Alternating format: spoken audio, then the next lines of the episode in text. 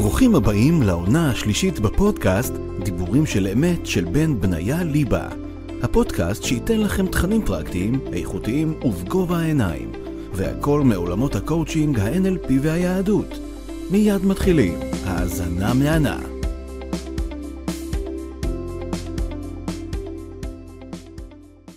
ברוכים הבאים לעוד פודקאסט, עונה שלישית, דיבורים של אמת, מה שלומכם? ומי שלא מכיר אותי, נעים מאוד, אני בן אליבא ואני מייסד את מכון MSC, שזאת המכללה הראשונה בישראל לימודי קואוצ'ינג ו-NLP, מאמן בכיר, עושה את זה כבר כמעט 13 שנים, היום אני גאה לארח, יצא לי גאה, גאה, היום אני גאה לארח חבר וקולגה, אריק צור. אריק, מה העניינים? מצוין.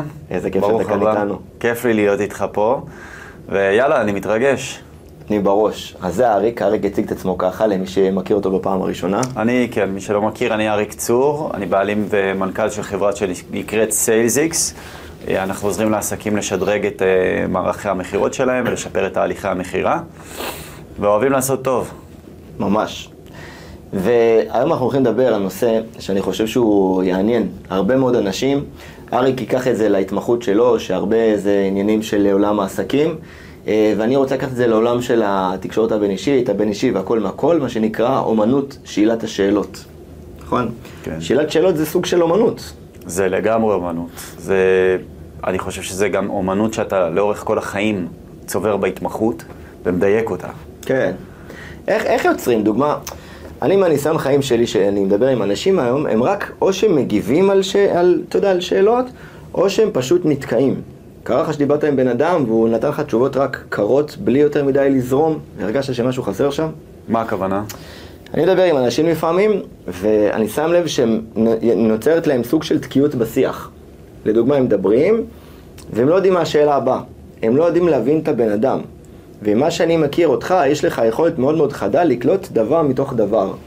כן. בשיח. ו... אז מה שלי עוד מאוד עוזר עם זה, בשאלת שאלות, זה להבין חלקים, שבעצם בכל שיח יש לבן אדם שנמצא מולנו כל מיני חלקים פעילים.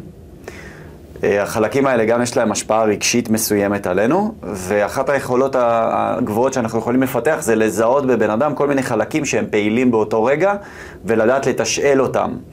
וזה התמחות וזה מאתגר וזה נכון. כן. אני חושב שגם אה, יש קושי לבני אדם להכניס את עצמם למוד שהוא גם מדבר וגם שואל. אנשים נורא קל להם או לדבר או לשאול. כן, אחד מהשניים. כן, וגם לאנשים לפעמים יש אי נוחות משאלת שאלות, כי אנחנו לפעמים גם, אחד, אחד הקשיים זה שאנחנו לא יודעים איפה עובר הגבול, מתי לשאול שאלות זה חודרני מדי, קשה מדי, מציק מדי, אתה, אתה גם בטח עברת דרך עם זה, נכון? כן, בטח. אני שמתי לב שאין בן אדם שלא יודע לתת תשובות. יש בן אדם שלא שואל את השאלות הנכונות. ובאמת בשביל ליצור איזה סוג של אינטראקציה כלשהי עם אנשים, אני חושב שאדם צריך ללמוד לשאול שאלות. עכשיו, אני, מה שאני מכיר אותך, יש לך יכולת, אני אשמח אפילו אם תלמד איך אתה עושה את זה. אני מקליט, אני מספר להם, אני מקליט שיחות, יש לי שיחות שאני מקליט, דוגמה שיחות מהעבודה שלי מעולם המכירות, אריק גם עוזר לי הרבה, המון, ולפעמים אני מקליט, שומע, כאילו אנחנו שומע- שומעים ביחד שיחות, ואז מהשאלת שאלות שלי ושל הלקוח, הוא יודע להוציא דבר מתוך דבר מתוך דבר, מה שקרה ללקוח בכיתה ג' 2, שנכון, שהמורה כעסה עליו, ובן זה יושב שם. איך אתה מגיע למקום הזה דרך השאלות? אז זה גם, זה גם מה... קודם כל זה ניסיון ואתה אוסף הרבה מידע, במהלך השנים אתה אוסף מידע על מה אנשים אומרים ומה אנשים לא אומרים. אז אחת הדרכים שאני עושה את זה, זה, דיברתי קודם על הקטע של חלקים. אז בכל בן אדם, בכל רגע נתון ובאופן כללי יש באישיות מגוון של חלקים. זאת אומרת, יכול להיות בי חלק שהוא אסרטיבי ויכול להיות בי גם חלק שהוא ביישן. בן אדם הוא לא דבר אחד, הוא מורכב מהרבה מאוד מיני בני אדם כאלו. אוקיי. וכשאנשים משתמשים בניסוחים מסוימים, אה, אנחנו יכולים. אני, אני יכול לזהות ואנחנו יכולים להבין באיזה מקרה אני הייתי משתמש בניסוח כזה. זאת אומרת, להתחבר לחלק בי, איזה חלק בי היה משתמש בניסוח הזה, ומה כנראה החלק הזה מרגיש. ולפי זה אני יכול להבין איך אני מתשאל אותו.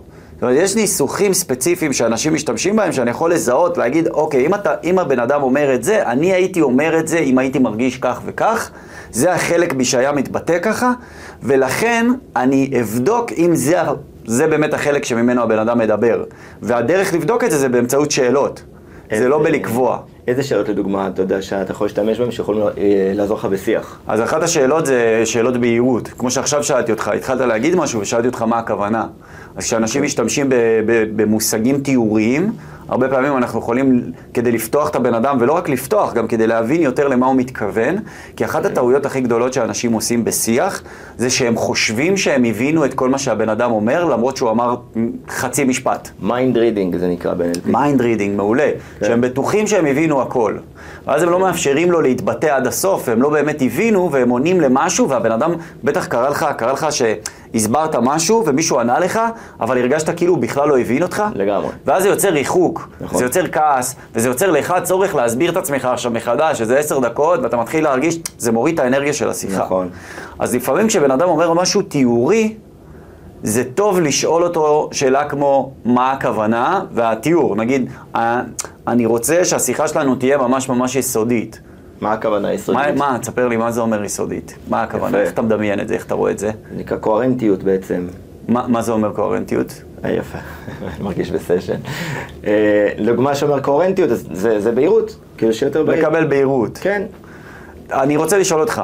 רגע, מה- רגע, אוקיי. השתמשת גם באינטונציה עכשיו, שזה גם מעניין.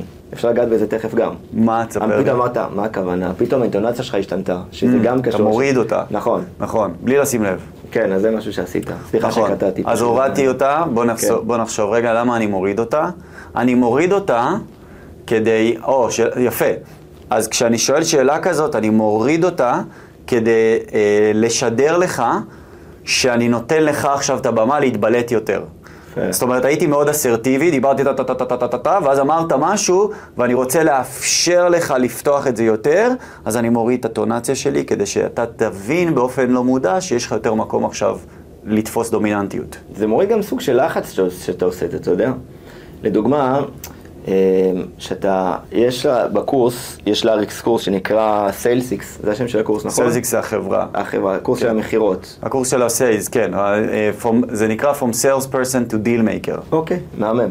אז אני בעצמי רכשתי את הקורס שלו, ואחד מהדברים היפים שאתה מלמד שם, דוגמה שאני מדבר עם לקוח, אז אני מגיע לשלב של המכירה, ואז אני אומר לו, אוקיי, יש לך כרטיס אשראי, אתה יכול לגשת רגע למחשב, פתאום אני מדבר בנינוחות, להוריד את הטונציה. ואז כשעושים לי את זה לבן, אני מבין שזה פתאום מוריד לי לחץ.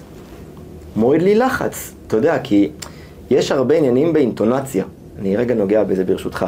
יש שלושה סוגים, יש אינטונציה עולה, יש כן. אינטונציה של פקודה, רק אני רוצה לדייק פה, כן. השאלה זה באיזה אשראי אתה משתמש. באיזה אשראי. באיזה אשראי אתה משתמש. מה אמרתי? יש יש לידך כרטיס אשראי. אה, אז באיזה אשראי, יפה. כן. זה כמו שעבדתי בקוקר כשהייתי קטן, זה לא לשאול אם אני יכול לעזור, זה איך אני יכול לעזור. כזה. נכון, לא בינארי. כן. אז, אז יש בעצם שלושה סוגים של אינטונציות. יש אינטונציה עולה, אתה צריך עזרה, ויש אינטונציה שאתה צריך עזרה, ויש אינטונציה של אתה צריך אה, עזרה, שאני פתאום יורד. כשמחלקים את האינטונציות בעצם למצב הספציפי, אני יודע להתאים את עצמי למקום הספציפי שאני נמצא. וזה יכול גם ליצור את ה rapport, את, הר, את ה rapport, סליחה, דוגמה, רוצה להגיד חיבור ו rapport, יצא לי את ה rapport. rapport. יצא לי את ה... בעצם, כשאני מתחבר לבן אדם שהוא מדבר נורא מהר, אז אני יכול לדבר איתו גם באותה צורה ולשאול את כן. השאלה ככה. נכון. אבל כשמגיעים, אם זה בעולם המכירות, slash בעולם דוגמה dating, או דברים כאלו ואחרים, dating, אז כשאני מוריד פתאום את האינטונציה, זה, זה יכול ליצור שלווה. נכון, זה יוצר שלווה וזה מאפשר לצד השני גם להיפתח, גם קרקע, פחות תחושת לחץ, וגם יותר תחושה שיש מישהו איתו בצד השני, שהוא כזה איתך, נכון? אתה מרגיש יותר שהוא איתך. וכל העולם הזה של שאלות, וזה זה מה שאני רציתי לשאול אותך, איפה אתה חושב שהחלק הכי קשה, כי אני יודע לי איפה היה הרבה קושי בל, בלפתח את היכולת בלשאול שאלות, איפה אתה חושב שהחלק הכי קשה מבחינתך? כשאני רוצה לומר את מה שיש לי לומר בלי לחקור את הצד השני. כן, אתה מבין את הכוונה? בטח. כאילו, לפעמים, זה קורה לכולם, אני מניח שזה גם קורה לכם, שבן אדם מדבר ואני רוצה לענות לפני שאני רוצה להקשיב. מהמם. ואומרים, יש משפט ב-NLP שאומר שמשמעות התקשורת נמדדת באמצעות התגובה החוזרת. כשנדבר עם בן אדם והתגובה החוזרת שלו היא לא כמו שאני רוצה, סימן שמה שאני אמרתי לו לא טוב. ולפעמים מה שקורה לי, לשאלתך, זה אני פשוט זורק את מה שאני רוצה כמו שזורק את הזבל והולך. וזו טעות. ולמה זו טעות? כי אני צריך להתעשל, אני צריך לדעת מה הצד השני חושב, אני לא רוצה לכפות גם את הדעה שלי. אני רוצה גם לדעת שיש הבנה, אני לא רוצה להגיד, יום חמישי בארבע נוסעים. מתאים לך יום חמישי בארבע? יש משהו שיכול למנוע ממך? נכון, אני מסכים. וגם, יש, אה, יש לאנשים נטייה להאמין הרבה יותר או לקבל הרבה יותר דברים שהם אמרו מאשר דברים שמישהו אמר להם. אז. גם לי, יש, גם לי יש את החלק הזה, במיוחד אם אתה בן אדם אסרטיבי ואתה יודע לדבר בסימני קריאה, אז יש פיתוי לדבר בסימני קריאה. אם אתה משימתי ואסרטיבי, יש לך פיתוי לדבר בסימני קריאה, נכון. ולהגיד לאנשים ככה וככה וככה המצב. עכשיו, אני עדיין עושה את זה לפעמים. ברגע שאנחנו יודעים לאזן את זה עם יכולת לשאול שאלות, אז זה הופך את זה למשהו מאוזן. אז כשאנחנו נדבר בסימני קריאה, אנשים יותר יסמכו עלינו. כי הם יודעים שיש לנו גם את היכולת לתשאל. ובשביל זה צריך skill, כי גם לי זה אחד האתגרים, שאני לפעמים כן. חושב שאני יודע משהו, ואני פשוט רוצה להגיד, זה ככה וככה וככה, וזהו, כאילו, ולשים כן. סימן קריאה. ואני יודע כאילו מה הבן אדם חושב, או מה הוא מרגיש, ועדיין יש את הצורך לעשות את זה, כי א', יכול להיות שאני טועה, ב', הדרך שלי להגיע לבן אדם ולהשפיע עליו תהיה הרבה יותר טובה אם הוא יגיד את הדברים ולא שאני אגיד אותם. וג', זה גם עוזר לי לפתח סבלנות. כי בשביל לדעת לשאול שאלות צריך זה נכון. סבלנות. וזה קשה למשימתיים, אגב. מאוד. לי זה. מאוד קשה. כי אתה רוצה להתקדם, אתה רוצה לרוץ, אתה רוצה כן. לפתור. דוגמה, אני אספר להם, אני איך אני התחברתי לאריק. את אריק לא כל כך הכרתי לפני, הכרנו שלום שלום כזה באירועים, בסושיאל וזה, ואז התחלתי לעקוב אחרי אריק בקהילה, וראיתי את התשובות שלו, הרגשתי כאילו זה אני מדבר. כאילו שמו, שמו בן אדם אחר שגר במקום אחר, היי, הנה עוד בן. כזה. טו טו טו, יריות, כאילו כאלה. עכשיו, אמר לי, בואנה, זה טוב לי, לי זה טוב, כי אני משימתי, אני שונא קשקושים, אתה גם מכיר אותי כבר, אני שונא חרטות, שונא בלבולי מוח, אני דברו איתי הכל תכלס. ואז כשהתחלתי לעבוד יחד, כשהתחלנו לעבוד ביחד, כאילו כל הנושא הזה, אז דיברנו באותה שפה. כאילו, רק, שים לב, איתי ואיתך דוגמה, רק דברים ספציפיים שאני הרגשתי שאני לא בטוח, אז ביררת, כי אתה כבר מכיר את הראש. כן. אבל חשוב לציין שצריך לשים לב גם לסגנון תקשור- תקשורת של הבן אדם שלידי. כן. דוגמה, אמרת משהו שהוא? חכם. אם אני משימתי, ואתה עכשיו מקדם, תומך, מנתח, ווטאבר, ומתחיל לדבר איתך בפקודות, אתה יכול להירתע. היי, כן. איפה הצד שלי? כן, אתה יכול לתת רגע את ההבדלים ביניהם? מנתח, משימתי, מה ההבדלים כן, ביניהם? יש את המשימתי שהוא יותר תכלס, אוהב את התכלס, כאילו זה בן אדם שצריך, זה צבע אדום כמדומני. יש את המנתח, המנתח הוא ירוק, המנתח זה לוקח כל דבר ועושה את ה data analyst, או לא את הדברים, איך זה יכול להיות. יש את המקדם, מקדם זה צמו, אה, צהוב כמדומני, שזה אנשים שיותר קדמים וחבר'ה and love ובואו נעשה את הדברים, ויש את התומך, תומך זה ירוק. זה מחולק לצבעים. התומך זה הירוק, זה אנשים שיותר עומדים, ואתה יודע, ועומדים ליד, וכאילו תומכים בפרויקטים, ויותר אה, רוצים ש, אה, לקדם דברים, אבל צריכים לעשות את זה לאט בדרך שלהם. זה כמובן שזה בהרבה יותר נרחב, אתם יכולים ללמוד על ארבעה סגנון התקשורת, הרבה כתוב. ברגע שאני יודע לזהות סגנון תקשורת, אני רוצה גם לדעת לדבר איתו. כי ה... גם בשאלת שאלות, צריך לדעת איזה שאלות צריך להתאים ולמי. נכון. אתה יורד לסף דעתי? כן. לפי גם רמת הפתיחות של הבן אדם, כמה יהיה נוח, נכון? זה לפתח איזושהי אינטליגנציה רגשית. אני רוצה להוסיף לזה גם עוד משהו, שמה שאני למדתי עם, ה, עם הנושא של שאלות, זה שלפעמים יש לנו תשוקה לתת פתרונות ותשובות לאנשים, ולפעמים דווקא בזה שאנחנו אה, נשאל אותם שאלות נכונות, אנחנו נעזור להם הרבה יותר מאשר שניתן להם תשובות. כי לפעמים יש לאנשים צורך לפרוק דברים ולשתף בהלך המחשבה שלהם ובאיך הם חושבים על דברים, נכון? אז דווקא לפני שאנחנו עונים לבן אדם, למשל אם אני רוצה לשנות למישהו דעה, אז יש אה, קונספט כזה שכדי לשנות דעה לחלק, דיברנו קודם על חלקים, אז אם יש בי חלק מסוים, אז כדי לשנות את הדעה לחלק הזה, כדי לאפשר לחלק הזה בי לקבל מידע חדש, אני קודם כל צריך לגרום לחלק הזה להרגיש, לא כמניפולציה, אלא בצורה אמיתית, ש, שבאמת הבינו אותו עד הסוף. אז אם אני רוצה לשנות למישהו דעה, אם אתה עכשיו תגיד משהו שאני לא בהכרח אסכים איתו, או שאני חושב או מכיר שזה אחרת, אז במקום להגיד לך שזה לא נכון, או להגיד לך שזה אחרת, שזה גם בסדר בחלק מהמקרים, וזה גם נכון לעשות את זה בחלק מהמקרים, אני יכול לשאול אותך שאלה, כמו למשל, איך הגעת למסקנה הזאת? מאיפה הגעת למסקנה הזאת? ואז לעזור לך להבין את הדרך אחורה שעזרה לך להגיע לתובנה או למסקנה הזאת, ואתה לבד יכול להבין שזה לא בהכרח המסקנה הנכונה. או למשל לשאול אותך, אתה פתוח לאפשרות ש... שיש מצב שזה שונה?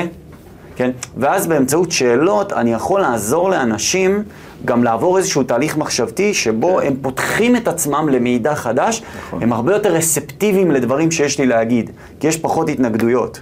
אז אני למדתי במהלך הדרך ששאלות זה כלי ממש חזק כדי להוריד מגננות מאנשים וליצור שיח שהוא מאוד פתוח. וגם מעצמי. כן. כי לפעמים אני חושב שאני יודע דברים ואני לא יודע, ואני טועה. זה גם שיעור בענווה, אגב. אתה יודע, זה... איך? אני...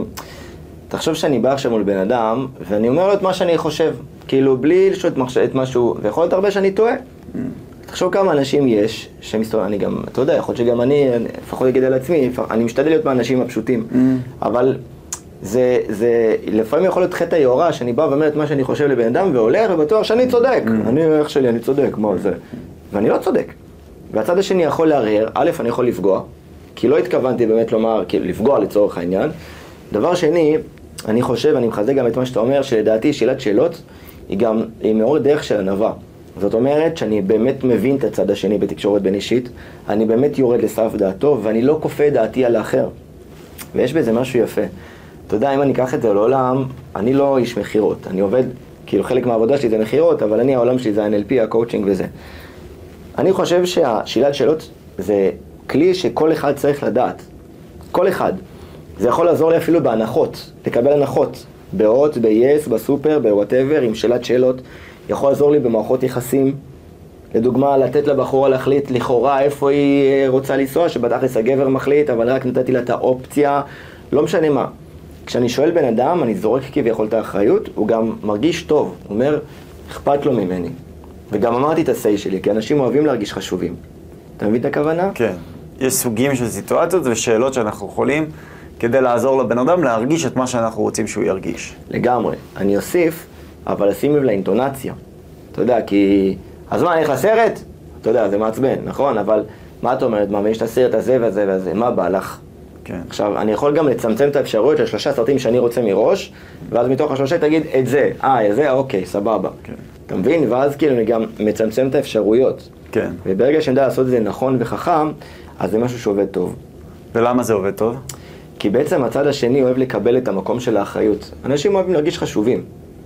זה, זה מוכח מחקרית. לדוגמה, אה, לקחו קבוצה של אנשים ששמו אותם בפאבים בכל מיני מקומות בתל אביב, ואז לקחו אנשים שהם ידעו ספציפית שהם נכנסים לפאבים כלשהם, שמכירים את הברמן וזה, ואותם פאבים פחות טובים. והם חזרו לשם כל פעם. ולמה? כי קיבלו אותם בארשת פנים יפה. ברוכים הבאים, מה העניינים מוטי, מה המצב איציק, מה העניינים אח שלי, צ'ייסר, זה, זה, הם מרגישים חשובים. למרות שיש אולי שלושה אנשים בפאב. אנשים אוהבים להרגיש חשובים, זה, זה מוכ, מוכח מחקרית. יש את זה גם בספר. ולמה הם אוהבים להרגיש חשובים, לדעתך? למה אוהבים להרגיש כן, חשובים? כי זה נותן לנו איזו תחושת זהות, נכון? כן. זה נותן לנו תחושה שהזהות שלנו היא שווה משהו. אז אתה חושב שהם יותר אוהבים, הם אוהבים את האחריות, או שהם אוהבים את התחושה של להרגיש חשובים? חשובים לדעתי. אני מסכים. כי לא כולם אוהבים לאחריות. אני אפילו הייתי מניח שאנשים רוצים כמה שפחות אחריות, אתה מסכים? נכון. בטבע שלהם. נכון. אלא אם כן הם אנשים מאוד ספציפיים שמרגישים את הצורך לקחת אחריות. נכון. ואז, אם היינו יכולים, באמצעות היכולת שאלת שאלות שלנו, לתת לאנשים להרגיש כמה שיותר חשובים, בכמה שפחות אחריות. cool. זה balance טוב. מהמם. זה יכול ליצור השפעה. אוקיי. אז אני מתחבר למה שאתה אומר, שדרך מעולה ליצור יכולת השפעה גבוהה, זה לתת לאנשים תחושה כמה שיותר גדולה של חשיבות, בכמה שפחות לשים עליהם אחריות. nice. שזה נגיד במכירות, במיוחד במכירות פרימיום או עסקאות גדולות, זה אחד הכלים הכי חזקים שבן אדם יכול אה, לרכוש לעצמו, שיכולים להיות לבן אדם. כי זה, זה ממש נותן לבן אדם השני את מה שהוא צריך. יש לך דוגמה אבל לשאלה כזאת שיכולה לעשות את הדבר הזה? שאלה ספציפית. אה, כן. שאלה ספציפית. אפילו אני אקח את הדוגמה שאתה נתת. כן. דוגמה שאתה נתת, היא שאתה מציע לי לבחור בין סרטים שכבר יש, כן. אתה לוקח ממני במידה מסוימת את האחריות, נגיד אתה נותן לי לבחור בין שני סרטים או בין שלושה, לא משנה. כן. לקחת ממני את האחריות של לבחור בין כל הסרטים, Mm. אבל אתה עדיין נתת לי תחושת חשיבות. או שתגיד לי, תקשיב, נראה לי כדאי שאני אלך לסרט הזה. זה סבבה מבחינתך? אתה עדיין בודק איתי, אתה עדיין נותן לי את התחושה של החשיבות, אבל הורדת ממני את האחריות. כן. כי בחרת, עזרת לי לבחור. כן. אבל בדקת איתי, לא אמרת לי הולכים לסרט הזה. אז זו דוגמה מאוד קטנה לאיך אתה נותן לי תחושת חשיבות ומוריד ממני אחריות, שזה משהו שאנשים מאוד אוהבים. יפה. אני חושב עם שאלות, הרבה מזה יושב גם על ה... הרבה מזה יושב על הפתיחות שלנו, על הרצון שלנו, באמת לקלוט את העולם של הבן אדם שמולנו. זאת אומרת, אנשים נורא אוהבים שמתעניינים בהם. נכון. אנשים רוצים באמת להרגיש שמתעניינים בהם, כי הרבה פעמים בשיח, זה טוב, תשמעו אתה מרגיש זה שאתה, ש, ש, ששני אנשים מדברים כזה עם עצמם. נכון. ואתה רואה שהם לא באמת מבינים אחד את השני, כן. נכון? הם מדברים ש- בקול פשוט, זה כמו שאני מדבר איתך בקול, אני לא אגיד לך, אני אומר לעצמי פשוט את הדברים. כן. אז כאילו, הכלי הכי חזק בעצם, כשאנחנו בתקשורת, זה, זה לשאול שאלות שמאפשרות לבן אדם לפתוח את עצמו, כן. ולספר על עצמו, ולספר מי הוא, נכון? אז לפעמים, אה, אני מדבר על זה נגיד ב networking, שאחת השאלות הכי טובות לנטוורקינג זה לשאול בן אדם, במקום לשאול אותו שאלות טכניות, זה לשאול בן אדם, תגיד, מה, מה הפוקוס שלך בימים האלו? על מה אתה מתפקס בעיקר? עכשיו, כל בן אדם יש בימים האלו משהו שהוא מפוקס עליו, נכון. וזה הדבר שהכי מטריד אותו בראש. נכון. גם אתה, יש דברים שאתה מפוקס עליהם עכשיו, הם מה שמטרידים אותך. אז הדרך הכי טובה להתחבר אליך, אם אני לא מכיר אותך, מה, תספר, בן, מה, על מה אתה מפוקס היום? על מה אתה ממוקד היום? מעניין אותי. כן? זה, וזה הדבר שיהיה לך הכי כיף לדבר עליו, כי זה הדבר שמטריד אותך. ועל זה אני אפשר... אוסיף על זה עוד משהו, כן. גם מחנה משותף. איך עושים את זה?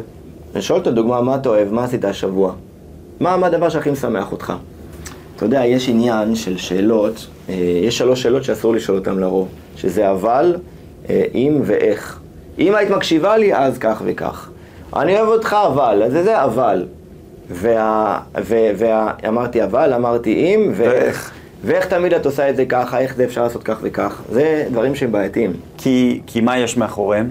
האשמות. האשמות. אנרגיה של האשמה. בדיוק.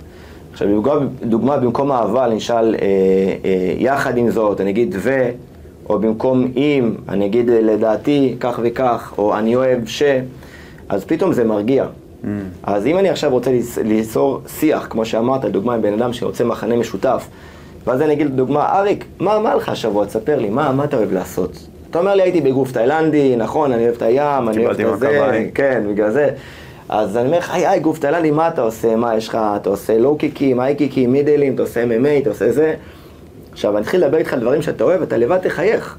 כי אתה אוהב את זה, זה התחביבים שלך. עכשיו, אני יכול למצוא מחנה משותף ולהתחיל לתשל וליצור שיח. ליצור שיח. עכשיו, הדבר, הדבר היפה בזה, זה שהבן אדם, כמו שאמרנו, עובר תהליך חשיבתי. ואז בתת המודע שלו, הוא אומר, בואנה, אכפת לו ממני. הוא לא מת... עכשיו, לא אכפת לו שאני עשיר גדול ויש לי 17 מרצדיסים מאחורי, אכפת לו ממני. כי עובר תהליך בתת המודע, נכון. מה של שכ- שכנוע והשפעה, ויוצר את החיבור. בגלל זה גם השאלות הן צריכות להיות שאלות שהן מקדמות. יש אנשים שהם יכולים לשבת שני אנשים בשיח, אבל הוא לא מעניין והיא לא מעניינת, ושניהם שואלים שאלות בלי קשר אחד לשני. נכון. כי, כי מה? כי מה קורה ביניהם? התנצחות, או, או, או אפילו חוסר, חוסר מודעות לא מודעת נקרא לזה. כן. אתה מבין, הוא יושב איתה, מדבר איתה על פלייסטיישן 7 שיוצא. והיא אומרת לך, תקשיב, יש עכשיו בשיין את הזה, עכשיו, מה קורה? מה נשמע? בוא רגע נתעניין, מה איתך, מה איתך, איך עבר היום? אתה יודע, אני אומר שכלי מלא, אתה לא יכול למלא אותו בעוד. אחת הטעויות שלנו כבני אדם, תחשוב עכשיו, עזוב שנייה אריק מהדמות של האיש מכירות, של האיש עסקים תותח. זה אחד. יש את אריק גם מחוץ לעסקים, נכון? אריק שבמקומות אחרים, לא משנה. תחשוב עכשיו שחבר שלך ממש לא מתקשר אליך, אומר לך, אריק אח שלי, תקשיב, היה לי ככה, והיא בגדה בי, והיא זה וזה וזה, והיה לי יום קשה. עכשיו אתה מעלה, אתה מוצף. למה? כי יש לך תשלומים, והלקוח מחו"ל פתאום מתעצבן עליך, והכלבה שלך לא יצאה, וה... זה כלב או כלבה יש לך? כלב. כלב, אח יקר. וכאלה, ואז אתה באטרף. עכשיו, מה קורה שהוא מפיל עליך דברים, ואתה לא ביישוב הדעת? אתה מתמלא עוד יותר. ואז אנחנו גם לא הופכים להיות כלי קיבולת להקשיב. באמצעות השאלת שאלות, אני גר- גורם נחת גם לצד השני. למה? כי תחשוב שהצד השני פורק. כמו המשאיות שעושות, אתה יודע, עושות ברקס כזה, אני פורק, אתה פורק על ככה וזה, ובאגרוף תתתתה, פתאום אני לבד, מה איתך אחי? תספר לי מה קורה, מה חדש, מה איתך אחותי? פתאום יש מקום. וזה משהו שמאוד חשוב ללמוד לעשות. כן. אז אני, אני רואה גם שזה חשוב לעשות, ואני רואה שהיום, ככל שהאנשים יותר מתפתחים ומפתחים מודעות, אז גם אנשים נהיים יותר רגישים גם. זאת אומרת, שהיום אנחנו גם רוצים לצבור כלים בשאלת שאלות שהם עם קונטקסט. כן. אחד הדברים שאני כל הזמן מדבר עליהם זה שכשאנחנו שואלים שאלות, כדאי שיהיה קונטקסט ברור ללמה אנחנו שואלים. אז למשל, אם אני עכשיו ניגש אליך, ואני רוצה לשמוע מה אתה אוהב לעשות, אז מה שאני יכול לעשות, נגיד ואנחנו לא מכירים. אז יכול להיות שאם אני פשוט אשאל אותך מה אתה אוהב לעשות, אם אני לא תופס את עצמי כבן אדם אסרטיבי, למשל, אתה יכול לשאול את זה וזה יעבור טוב, כי אתה בן אדם אסרטיבי, יש לך נוכחות מאוד חזקה, אז זה יעבור כנראה טוב. אם אני בן אדם פחות אסרטיבי ופחות נוח לי, ואני פחות, יותר חושש כאילו מאיך זה ייתפס, אז אני יכול להוסיף קונטקסט לשאלה. אז למשל, אני יכול להגיד, אתה יודע, אתה נראה לי בן אדם פעיל, שעושה הרבה דברים. מעניין אותי, כשאתה רוצה להירגע, מה אתה אוהב לעשות? Hmm, זה שימוש בהנחה מוקדמת לאנלפיסטים, זה מעניין. אז אני כאילו מוסיף קונטקסט ללמה אני שואל אותך את השאלה, כדי שאתה לא תרגיש שאת, שאני סתם מנסה להתחבר איתך. כן. כן? כי אם אני בן אדם שלא נראה שיודע להתחבר באופן טבעי, כי יש אנשים שבאישיות שלהם, אתה רואה שהם אנשים חברתיים, כן. אז כשהם שואלים שאלות חברתיות זה נראה מאוד אותנטי. Hmm. יש אנשים שאתה מרגיש שהם פחות כאלה, וגם יש אנשים שמרגישים את זה על עצמם. כן. ואז יש להם חשש מלשאול שאלות כאלו שהן חברתיות יותר, נכון. כי זה עלול להיתפס כלא אותנטי, והם צודקים. נכון. אז לשם אפשר מה שנקרא למכור את השאלה, או להוסיף קונטקסט לשאלה, זה, מעניין. זה עושה את זה הרבה יותר קל, הרבה יותר כיף, כן? אתה קורא לזה הנחה מוקדמת. הנחה מוקדמת. לדוגמה, אני יכול להגיד לך, אני יודע שאתה רוצה להצליח בעסקים, רק מעניין אותי מה הדבר הראשון שתרצה להשיג בתור, ה... שתרוויח את המיליון הראשון. כן. זה הנחה מוקדמת, שאתה רוצה להצליח בעסקים, הנחה מוקדמת שאתה תרוויח את המיליון כן, הראשון. כן, כן. אתה מבין? כן. ב- בעולם השכנוע וההשפעה, אני אחת ההתמח- ההתמחויות שלי זה שכנוע והשפעה. וחקרתי את הנושא הזה המון.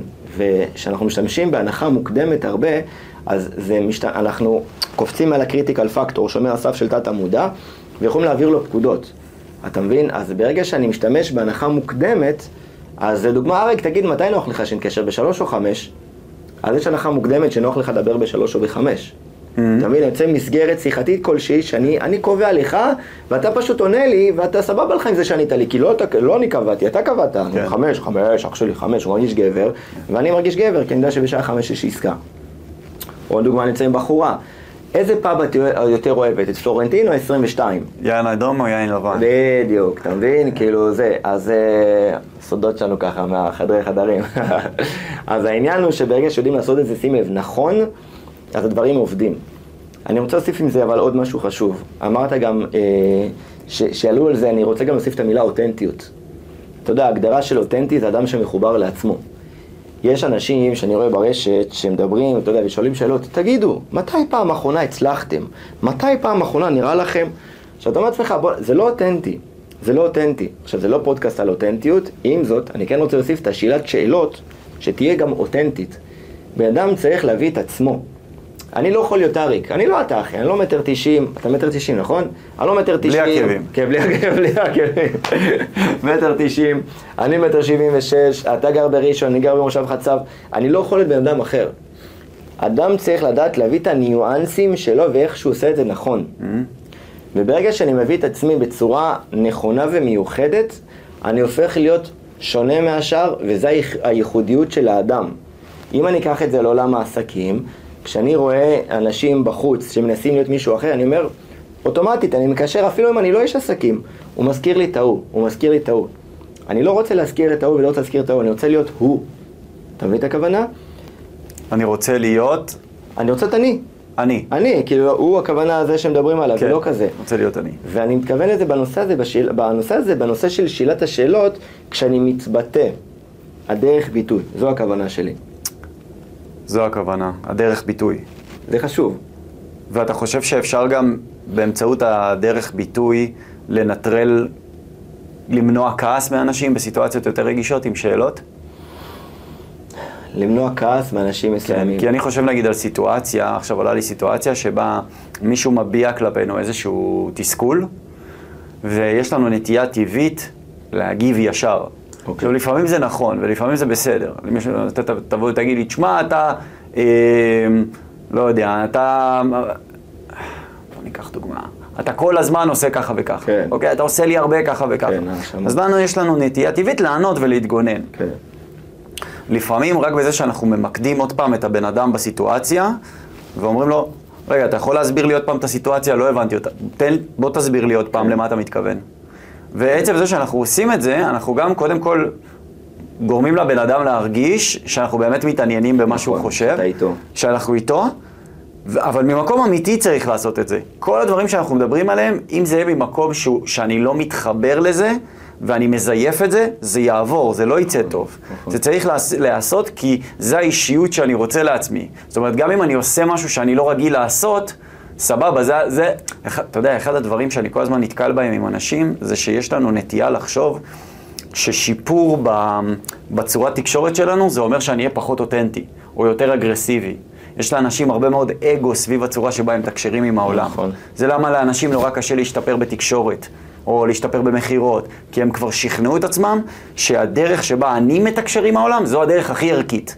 כל שיפור זה בהכרח או שאני פחות אותנטי, או שאני יותר כן. אגרסיבי, או שאני יותר פסיבי, או שאני לא מדבר תכלס. כאילו, אנשים מספרים לעצמם כל מיני דברים בדרך. וזה בגלל אגו שיש לנו. אז אני חושב שכשאנחנו יכולים להכניס שאלות דווקא כשיש לנו דחף לענות, זה תרגול גם מעולה בשביל עצמנו. כאילו לשים רגע את עצמנו בצד ולהחזיר חזרה את הפוקוס בבן אדם. בן אדם כועס, לשאול אותו, רגע, בוא תסביר לי, מה, מה אני מפספס פה? נכון, זה גאוני. זה, אני ממש מסכים. מה, מה אני. מפספס? כן. אני, אני לא רואה משהו, בוא, בוא תסביר לי עוד פעם, אה, מה הסיטואציה שאתה רואה? מה ספציפית הכעיס אותך לדוגמה? כן, בוא, תן, תמקד אותי. מה ספ... ואז הבן אדם גם מרגיש שאני מקשיב לו, וזה גם מאפשר לו לפרוק. עצם זה שהוא פורק, כבר ישים אותו בצד השני פתוח יותר. יפה. כן. אני יכול לחזק על זה שנייה במשהו? לא. לא. בקיצור, לדוגמה, אה, שאם אני אומר על מישהו שכועס, אני אומר לו, איך אני יכול לשמח אותך? מעולה. למה זה טוב? כי זה מקדם, זה פרואקטיבי. ומה זה מראה לי? שאני אכפת לי ממך. שאכפת לך. כן. שאתה רוצה לפתור לי את זה. נכון. ושאתה שואל אותי גם. ושים לב, זה גם מקדם. בין LP הרבה אומרים, איך אתה עושה את הבעיה? ואז אני מבין את כל האסטרטגיה של הבן אדם. איך אתה עושה... איך אתה עושה את הבעיה? דוגמה מישהו אומר שיש לו פחד גבהים. איך אתה עושה פחד גבהים? זה בכלל אני עושה? תספר לי מההתחלה. אני הולך, אני עולה לקומה 13, מתחיל להיות לי דפיקות לב, לאט לאט שמתחיל לצעוד מעצמי בראש, אתה מאפן, אתה תיפול, אתה תמות כמו אבא שלך, אתה אפס, אתה זה, אתה... מתחיל כל זה, ואז אני מבין את כל האסטרטגיה. אני לא אכנס לזה כי זה לא סשן NLP, אבל לצורך העניין. לכן, איך, איך, אני, איך אתה כועס, או איך אתה זה, לדוגמה, זה משהו שאני צריך להבין שזה יושב על נקודה, גם של בן אדם. אז נכון, נכון, אני נכון. רוצה לדעת להפוך, מה יכול לעשות לך טוב? אם עכשיו אני אתן לך ככה וככה, זה יעזור לנו להתקדם? אתה עצבני, אוקיי, מה משמח אותך? מתי פעם אחרונה היית מאושרת? מה הדבר שאת מדברת עליו ואת פורחת? מתי פעם אחרונה היית שם? איך הרגשת? מה ראית? מה שמעת? מה צריך לקרות כדי שתהיי שם שוב? עכשיו תראה, אני יכול לעשות את זה כמו מטפל, ואני יכול לעשות את זה כמו בן אדם שאכפת לו. עכשיו אתה יודע, אני מדבר עכשיו עם בחורה, להגיד לה, איזה יין את אוהבת? מתי פעם אחרונה שתית? איפה זה? איפה היית עכשיו רוצה לשבת? יחד עם העין הזה, ומה האווירה הכי טובה שהיית מוסיפה לזה? אני עושה גם, אתה יודע, שאלות מעוררות עונג. ואז הבן אדם, זה משתמש לו גם בחושים, וזה עובד ככה בצורה מאוד מאוד טובה. חלק מזה. צורה טובה. כן. כי זה פותח לו את האופציה לחשוב על דברים חיוביים, מחבר אותו לדברים שהוא רוצה להרגיש. כן. ואתה חושב גם ש... איך אתה, איך אתה מוסיף קונטקסט לשאלות מהסוג הזה כדי שהם ירגישו לצד השני כהתעניינות אמיתית ולא שאלות שהן canned, canned כאילו שאלות מוכנות מראש. אני מוסיף חיוך. מגניב. אני מוסיף חיוך. תדע לך, החיוך, אה, שאתה, שאתה מראה את השיניים לבן אדם, זה מוציא, זה מוציא רוגע. אתה רואה, הנה ככה.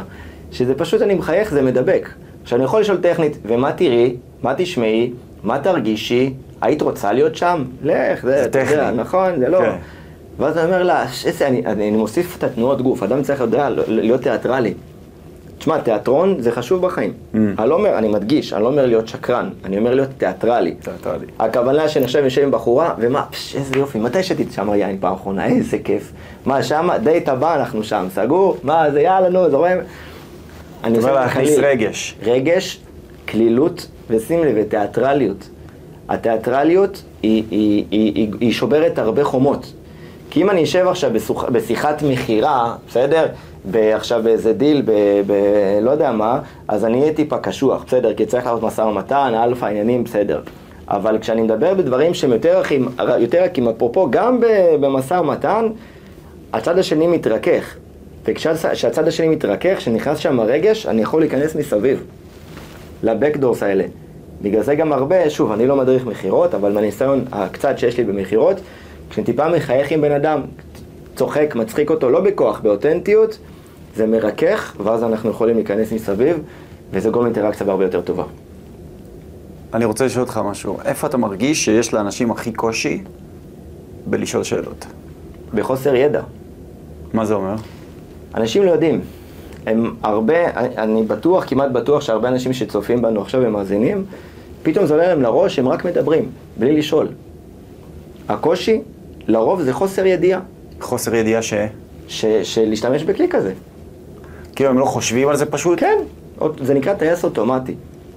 זה, זה חוסר מיומנות לא מודעת, זה נקרא. כן. ואדם צריך לפתח חוסר, לא, אה, חוסר מיומנות לא מודעת לחוסר מיומנות מודעת, מודעת. למיומנות מודעת. מהמם. ואז? למיומנות לא מודעת. בדיוק. בסוף. נכון, כן. כזה. לדוגמה, שאתה מדבר עם בן אדם, אומר לך, 9,300 שקל? אה, זה 9,300 שקל? שקט. עכשיו, אתה, כשאתה תעשה את זה, אתה פתאום תהיה בשקט, כי כבר יש לך את זה כבר בצורה מודעת. אבל לי, שלא היה לי את זה לפני רבע שעה, ועכשיו כן יהיה לי את זה, אז זה פתאום הופך להיות מיומנות מודעת. אתה מבין? כן. אדם צריך ללמוד, בגלל זה תמיד אני אומר, צריך חוש הרפתקנות וסקרנות. אם אדם רוצה להתקדם, להשתפר, צריך לפתח את עצמו כל הזמן. כל הזמן. אני אומר לך רגע משהו שלא קשור לשאלת שאלות, אבל אתה יודע מה כן קשור לשאלת שאלות? אדם גם צריך ללמוד לשאול את עצמו שאלות, לא רק אחרים. איפה אני אוחז היום? איפה הייתי אתמול? איפה אני רוצה עוד שנה? מה מונע ממני? מה תוקע אותי? למה לא מאושר בזוגיות שלי? למה אני עכשיו תקוע? למה לא השגתי את הסכום כסף שאני הרווחתי? מה הלך לי בשיחה? מה לא הלך לי בשיחה? אחי, מלא שאלות. עכשיו, כשאדם שואל שאלות הוא עובר מה שנקרא תהליך חשיבתי ואנשים אוהבים את התשובות של עצמם. אז אם אני יושב, אני מפענח וכותב את השאלות על דף, שים לב ועונה עליהן, לבד, סלש עם חבר, אני מקבל תובנות. ואפשר, באמת צריך לדעת ולהבין שעל ידי שאלת שאלות, אנחנו יכולים לפרוץ דרך, כמעט כל דרך בעולם, רק על ידי התקדמות הזאת. אז אם נעשה ככה, אריק, לסיכום מהצד שלך. מה היית אומר לבן אדם עכשיו שאומר, שמע, שמעתי את הפודקאסט, את הפודקאסט מגניב וכיף לי של הסמכות, מה הצעד הראשון שהיית ממליץ לבן אדם שלא יודע לעשות את זה? אם זה יזם, כן, אם זה אה, שכיר בחברה, אם זה מישהי או מישהו פלוני, כדי. כדי להתמקצע בלשאול שאלות, הייתי קודם כל מציע, כמו שעכשיו אמרת, להתחיל להתפקס על זה. להתחיל להתפקס באיזה שאלות אני יכול לשאול את הבן אדם שמולי, שיעזרו לי ליצור את מה שאני רוצה. אחד, זה אולי לגרום לו להיפתח. שתיים, זה שאני אבין טוב יותר את המקום שלו, את העולם שלו, לפני שאני דוחף את העולם שלי. שלוש, זה לקבל את זה ש... אה, רגע, זה האינטרסים. ואז אני, זה הדבר הראשון, להתחיל להתמקד בזה. כן. הדבר השני, זה לקבל את זה שאני אעשה את זה לא טוב בהתחלה. אני הרבה פעמים שאלתי שאלות בכל מיני סיטואציות שהן לא היו מדויקות, שהן כן. לא היו נכונות, שהן היו מוזרות. That's life. כאילו אם אתה רוצה להפוך להיות מאוד מאוד טוב במשהו וליהנות מהפירות שלו, אתה חייב לקבל שבדרך, אם זה משהו שאחוז מאוד קטן מהאוכלוסייה יודעים לעשות, אתה חייב לקבל את זה שבדרך אתה תעשה המון טעויות. נכון. אתה רוצה להיות טוב בלהבקיע שערים, בלהבקיע בעיטות חופשיות, אתה בדרך תעיף מלא כדורים לאלף עזאזל. נכון. אין מה לעשות. כן. אז לקבל את זה, שזה בסדר. כן. זה בסדר לטעות. ועוד דבר שהייתי מכניס, זה להתחיל לנסות יותר, והכלי הכי פשוט, זה פשוט להבין יותר טוב, כי רוב האנשים, נורא, רוב בני האדם, הם נורא למדו להיות סגורים ותמציתיים, מתוך פחד לבטא את עצמם. ואנשים מאוד רוצים שיתעניינו בהם. אז הכלי הראשון שהייתי ממליץ לאנשים להתמקד בו, זה פשוט בלעזור לאנשים להסביר את עצמם יותר טוב. כן. אז להשתמש בכלים שדיברנו עליהם, כמו למשל בהירות, לשאול שאלות המשך על דברים שאנשים אומרים, לא בינאריות, שאלות פתוחות, כן? למשל, עכשיו הסברת לי כמה דברים, אז אם הייתי רוצה להמשיך אותך, אז הייתי שואל אותך, תגיד, איך הגעת לכל המסקנות האלה? מאיפה זה הגיע כל זה? כן. כן? לחזור איתך אחורה בדרך. כן. כן? או תגיד, אמרת את המילה הזאת, למה אתה מתכוון? כן. כן? לחקור. שאלות של, של, שמאפשרות יותר פתיחה של, של תתי נושאים. כן. כן? אלה הדברים הראשונים שהייתי ממליץ לכל בן אדם. לנסות. גם אני אגיד משהו שאתה עשית, אני דיברתי ואז אמרת, לא ככה, או אז לחזור על זה. כאילו, אמרתי מה ש... אמרת מה שאני אמרתי בקול. ואז זה גורם להרהורים, כי תוך כדי שעשית לי את זה אפילו עכשיו תוך כדי הפודקאסט שדיברתי, ואז אמרת משהו, חזרת אחריי בקול והמשכת הלאה. ואז זה גרם לי לערער על הדבר.